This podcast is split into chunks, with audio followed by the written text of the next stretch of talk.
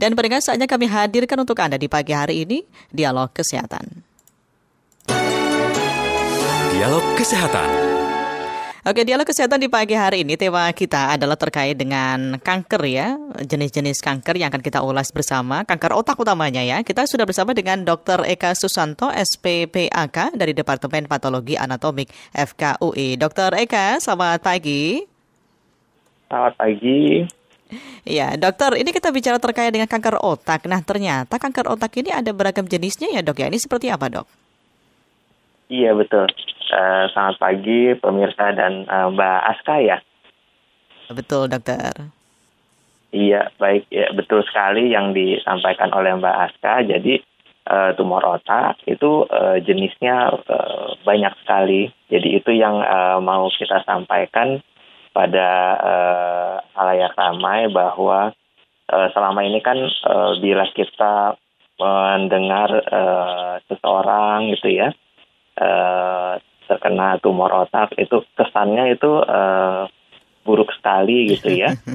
uh, ya itu yang mau kita uh, bahas pagi yeah. ini Mbak Aska. Oke, okay. jadi ini jenis-jenisnya apa saja sih dok untuk kanker otak ini? Iya, jadi uh, jenisnya itu banyak sekali ya kalau kita lihat uh, jenisnya itu bisa puluhan, kalau hmm. sub jenisnya itu bisa nanti bahkan lebih dari 100 mungkin ya. Kalau kalau yang paling umum gimana dok? Iya, jadi uh, tumor-tumor di otak itu nanti ada istilahnya uh, glioma gitu ya, mungkin yang uh, glioma itu apa dok? kita dengar. Jadi glioma sesuai dengan namanya asal katanya itu uh, glial ya. Jadi dia berdasarkan uh, berasal dari sel-sel glial. Jadi di otak kita itu ada sel-sel normal, okay. uh, yaitu sel saraf dan sel glial. Sel glial itu sel penyokongnya. Nah, bila sel yang tadinya normal tersebut sama seperti di organ-organ lain juga mengalami perubahan-perubahan menjadi tumor itu kita sebut glioma. Jadi glioma itu berasal dari sel glial gitu asalnya. Yang tumbuh abnormal begitu ya, Dok? Ya, seperti definisi uh, tumor pada umumnya dia uh, tumbuh terus ya tanpa okay. ada rangsangan yang jelas. Jadi dia uh, terus bertumbuh gitu. Jadi itu uh, seperti tumor pada umumnya ya. Baik. Nah, dokter kalau kita mengalami kanker otak itu apakah setiap uh, orang itu akan merasakan sakit terlebih dahulu atau justru kita nggak ngerasa apa-apa nih dok? Baru kemudian oh ketahuan sudah di stadium akhir baru kerasa sakitnya dok? Iya, baik Mbak Aska. Nah, itu uh, nanti kembali ke yang uh, terkait tadi kita bahas ya. Uh, jadi jenisnya banyak sekali. Jadi ada yang uh, kita katakan uh, istilah awalnya jinak begitu ya Mbak. Aska. Jadi ada yang jinak, ada yang nanti ganas sekali. Biasanya itu kita tentukan derajat keganasannya gitu. Uh, kita uh, ikut klasifikasi gitu ya atau penggolongan jenis-jenis tumor otak tersebut uh, kita mengikuti WHO. Ada pedoman atau panduannya dari WHO. Jadi ada di derajat keganasan 1, 2, 3, 4 gitu. Satu itu yang paling ringan atau jinak, empat itu yang paling ganas gitu ya, paling agresif. Nah, secara umum itu berbeda-beda, namun uh, apa gejalanya itu biasanya karena dia itu kan berupa massa gitu ya. Okay. Uh, dia akan mendesak uh, di dalam uh, tengkorak kita karena otak kan lokasinya di situ ya. Yeah. Dan itu akan menimbulkan uh, nyeri pertama gitu ya, gejala-gejala yang umum. Gejala yang awal muncul ya berarti itu dokter. Betul Mbak Aska gitu. Hmm. Tapi uh, begini, uh, jangan dikit-dikit kita sakit kepala, oh saya jangan-jangan tumor otak, jangan begitu juga ya. Maksudnya ini sakit kepala yang uh, intensitas, frekuensi gitu dan uh, mengganggu. Intinya itu kalau ada keluhan yang uh, mengganggu dikonsultasikan supaya uh, kita tahu itu sebabnya apa. Jadi kita juga tidak terlalu khawatir berlebihan gitu ya. Oke, jadi tapi kalau misalkan kita merasakan sakit kepala atau ada gejala-gejala lain yang bisa kita eh, apa namanya kemudian membuat kita berpikir oh ini kayaknya saya gejala kanker itu dari mana ya dok ya kita bisa melihatnya selain sakit kepala? Ya, jadi itu uh, seperti tadi uh, apa untuk uh, kita mengetahui suatu penyakit itu ada tahapan-tahapannya ya mbak hmm. Eh, keluhan-keluhan awal yang berupa biasanya tadi eh, peningkatan tekanan di dalam otak yang uh, gejalanya itu salah satunya nyeri dan gejala-gejala terkait persarafan lainnya ya itu biasanya nanti uh, dikonsultasikan atau berobat ke uh, teman-teman sejawat uh, ahli penyakit saraf gitu ya okay. spesialis neurologi atau kadang kalau tidak ada spesialis ke dokter umum dulu nanti bila memang eh, apa itu akan diperiksa oleh teman-teman sejawat di unit-unit layanan primer gitu ya. Apalagi nanti yang melalui sistem JKN atau BPJS itu biasanya di primer dulu. Bila nanti dari pemeriksaan itu terindikasi atau diperlukan rujukan itu akan dirujuk ke sejawat eh, apa spesialis neurologi di vaskes yang lebih tinggi dan akan dilakukan pemeriksaan bila nanti uh, ada kemungkinan ini uh, suatu tumor diperlukan pemeriksaan-pemeriksaan lanjutan uh, yang sifatnya menunjang gitu, Mbak Oke, jadi kalau misalnya kita merasakan sakit kepala berkepanjangan minum obat nggak sembuh-sembuh gitu ya dokter ya bisa langsung ke dokter aja untuk uh, cek bagaimana kondisi tubuh kita begitu ya. Jadi akan diketahui kalau misalkan oh ini gejala kanker artinya bisa segera ditangani gitu ya dokter ya. Betul, Baska. Karena uh, penyakit di uh, apa di bidang otak itu ya uh, terkait otak dan sistem saraf itu banyak sekali uh, Mbak Aska. Seperti sakit kepala yang tadi kita bahas, okay. itu kan bisa migrain, bisa yeah. tension headache, atau uh, ketika itu ditangani dan tidak kunjung reda, uh, tentu perlu dilakukan uh, apa uh, penelusuran lebih lanjut untuk mengetahui penyebabnya gitu. Salah satunya walaupun jarang itu tumor otak gitu. Atau mungkin pusing karena mikirin tagihan ya, dokter ya. Iya, Oke. Baik, dokter, kita ke pendengar dulu ya, Dok ya. Ini ada yang sudah bergabung ya. Ada Bu Indra ya. di Cirebon bergabung dengan kita di pagi hari ini. Bu Indra, selamat pagi Bu. Ya, selamat pagi Mbak Aska, Ariska. Pagi Bu Indra. Ini tentang hmm. kanker otak ya Bu ya. Ada dokter oh, Eka ya. pagi ini. Silakan Bu Indra. Iya, terima kasih.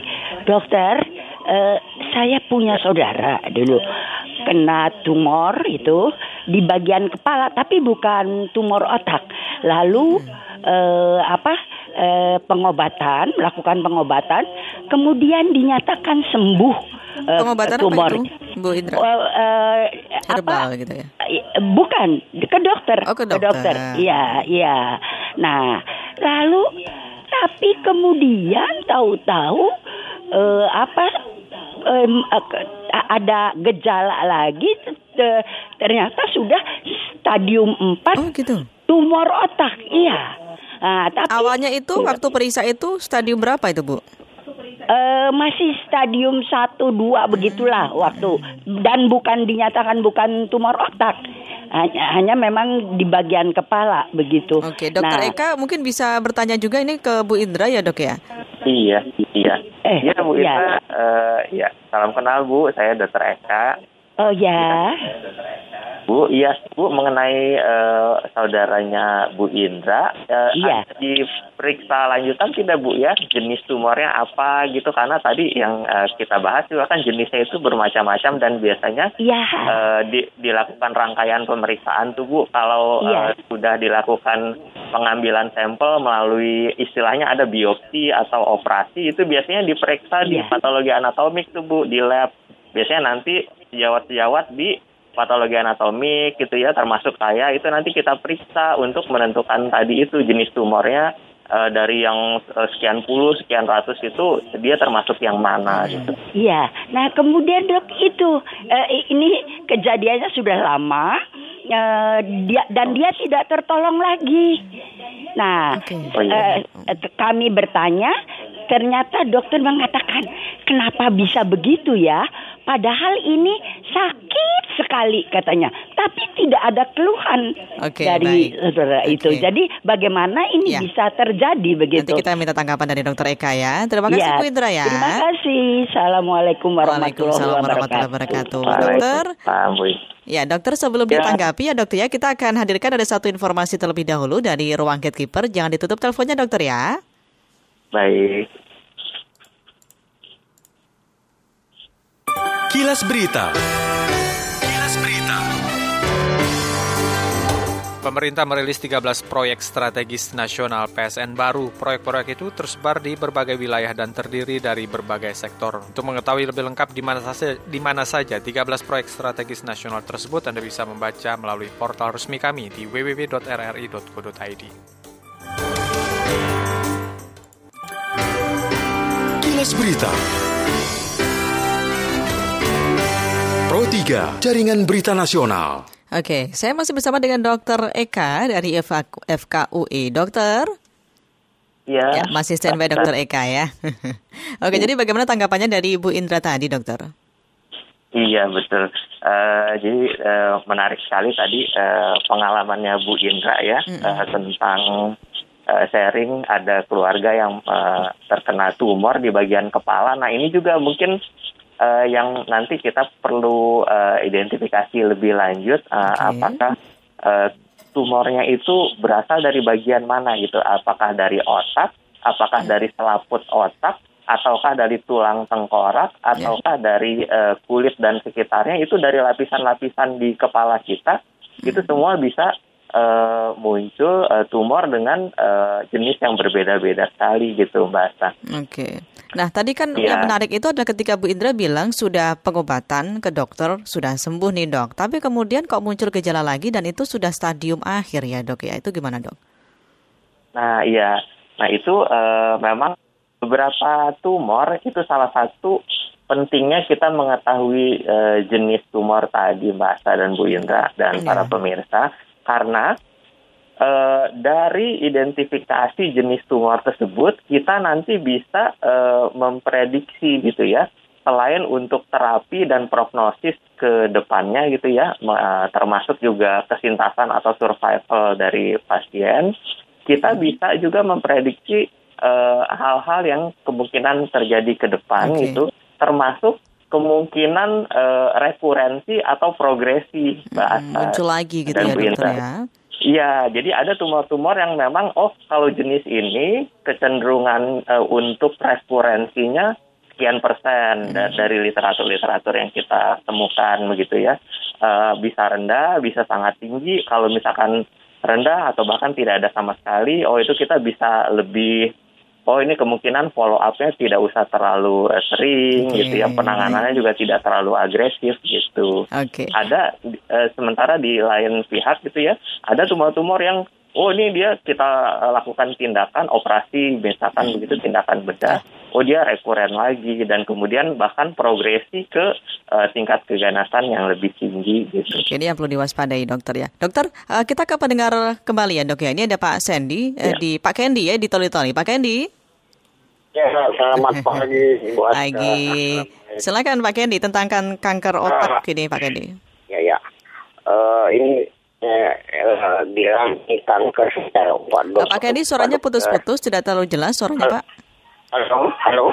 Ya, oke. Okay. Uh, Pak dokter, uh, itu kan kanker momok yang menakutkan. Hmm. Ya kan, uh, uh, kanker yang menakutkan. Uh, dan itu kalau sudah dibilang kemoterapi, mereka mengundurkan diri, takut katanya. Kalau kemoterapi uh, mengundurkan diri karena takut. Nah. Takut, katanya kan. Eh, apa yang habis kemoterapi itu itu katanya biar rambut ikut rontok dan seterusnya. Hmm. Tolong okay. tanpa dokter. Makasih. sih. Assalamualaikum. Waalaikumsalam. Jadi gimana ini Dokter Eka? Pas kemoterapi, ya, uh, karena biasanya memang kalau pasien-pasien yang terkena kanker pasti uh, banyak pikiran juga ya dokter ya, takut bagaimana bagaimana kejadian apa yang akan terjadi setelah ini gitu ya dok ya, karena momok yang iya, menakutkan ya, tadi seperti yang Pak disampaikan. Ya. Ya, baik, baik. Terima kasih Mbak Asa. Uh, ini pertanyaan yang bagus sekali. Jadi uh, mungkin sebelum sampai ke situ, pertama harus saya sampaikan. Jadi untuk terapi itu nanti mungkin teman teman-teman dari penyakit dalam ya, terutama sub uh, apa uh, bidang hematologi dan onkologi nanti yang menekuni uh, terapi gitu ya. Cuman mungkin bisa saya sampaikan uh, untuk terapi tumor otak sendiri kita kembali lagi ke yang tadi gitu uh, jenisnya apa? Kalau untuk uh, itu penting karena dari situ kita nanti menentukan tindak lanjut uh, terapi itu seperti apa. Karena bila dia uh, jinak itu pada umumnya kita tidak lakukan kemoterapi. Biasanya tumor-tumor agresif yang memiliki derajat keganasan yang cukup tinggi gitu ya atau uh, tingkatnya ganas gitu yang perlu kita lakukan kemoterapi, radiasi seperti itu. Jadi penting sekali kita tahu dulu jenisnya supaya ini akan kita kelola, kita terapi seperti apa gitu. Baik. Nah, tingkat kesembuhan ya. kanker itu bagaimana, dokter? Ya. Nah, ini uh, tergantung jenisnya tadi, uh, Mbak Sta. Kalau yang jinak itu dia bisa uh, apa uh, prognosisnya kesintasannya itu bisa panjang sekali prognosisnya hmm. itu bisa excellent ya bagus okay. uh, nanti mungkin ada keluhan-keluhan uh, pasca uh, tumornya itu uh, di terapi gitu ya. Cuman biasanya nanti uh, akan uh, bagus gitu. Namun di sisi lain ada tumor-tumor yang uh, ganas sekali gitu ya. Seperti kita ketahui tumor-tumor ini memang tidak mengenal apa uh, dia uh, level sosial gitu ya. Usia juga bisa dari uh, anak-anak sampai dewasa. Seperti mungkin contohnya uh, mungkin pernah dengar glioblastoma gitu ya, ya. itu uh, kandidat presiden Amerika pun itu terkena ya, ya beberapa tahun lalu kita dengar putranya yeah. uh, presiden Amerika sekarang Joe Biden itu juga kalau tidak salah itu terkena glioblastoma gitu dan itu prognosisnya uh, tidak bagus ya iya tidak panjang gitu. Oke, baik. Dokter kita ke pendengar lagi ya dok ya. Ada Pak Ramadan di Sorong. Pak Ramadan, pagi Pak. Ya, selamat pagi Mbak Aska dan Iya. Ada Dokter Pak Eka. Eka ya. Susanto ya. ya, silakan Pak ya. Ramadan singkat saja oh, Pak ya. Ramadan ya. Spesialis penyakit organ tubuh ya. Ya gini, ada anak ya, uh, dia lahir itu baik-baik saja, tapi setelah dua tahun, kemudian diketahui ada timbul apa benjolan di antara selangkangannya seperti kelereng gitu. Ternyata hmm. Di diagnosis karena itu stadium 2. Kang kanker uh, apa? Bukan kanker otak ini ya? Apa? Kelenjar getah bening ya. Oh, kelenjar getah bening, bukan kanker. Iya, itu akhir, akhirnya dioperasi di daerah tapi uh, setelah pasca operasi lalu bengkak besar, tiba-tiba besar bengkaknya, lalu dikirim ke Makassar. Tapi nggak okay. nggak bisa tertolong gitu. Okay, Jadi baik. pertanyaannya apakah ini bawaan dari orang tua, kedua orang tua tidak dalam kandungan? Atau Ini topiknya beda ya Pak Ramadan ya, bukan bukan soal kanker otak Karena ya. setelah umur 2 tahun baru mulai timbul itu dan terasa sakit gitu. Oke, okay, baik. Pak Ramadan terima kasih ya. Terima kasih, selamat pagi. Selamat pagi. Ini beda dengan topik kita di pagi hari ini ya, uh, Dokter ya, Eka ya, tentang ya. kanker otak. Tapi atau mungkin diberikan pemahaman kepada masyarakat seputar kanker ini yang bisa tumbuh di mana saja. Tadi seperti hanya getah ya. bening ya, Dokter ya. Iya, ya. Jadi uh, secara umum uh, kanker itu multifaktorial ya, hmm. Mbak Asta dan para okay. pemirsa, ya termasuk Bapak tadi yang menanyakan. Uh, multifaktorial artinya ada faktor genetik uh, dengan persentase yang uh, berbeda-beda di antara jenis tumor itu. Jadi faktor genetik itu memang ada faktor keturunan dari uh, apa uh, uh, orang yang di atas kita ya dari uh, orang tua, bapak ibu, kakek nenek gitu ya. Dan juga multifaktorial. Itu selain genetik juga ada faktor uh, yang lain ya lingkungan termasuk juga makanan. Jadi multifaktorial gitu. Mm. uh, apa salah satunya mungkin genetik. Nah untuk genetik itu kita perlu tahu juga uh, jenis-jenis tumor yang spesifik. Ada memang yang uh, dia uh, kurang begitu erat kaitannya dengan genetik. Ada yang lebih erat gitu ya. Kalau untuk uh, apa di biasanya okay, pada baik. berbagai organ termasuk yang terjadi dengan bening sih itu biasanya persentase yang uh, terkait dengan faktor genetik yang kuat itu lebih rendah ya lebih hmm, sedikit kan Oke okay. okay, baik. Dokter Eka terima kasih sudah berbincang dengan Pro 3 ya dok ya. Ini karena waktunya terbatas nanti kita ngobrol-ngobrol lagi di kesempatan ya dok ya. Iya. Baik, terima kasih terima Dokter Eka. Selamat pagi, salam sehat dokter ya. Salam sehat. Dr. Eka Susanto, SPPAK, Departemen Patologi Anatomik dari FKUI, terkait dengan tema kita di Dialog Kesehatan pagi ini adalah kanker otak.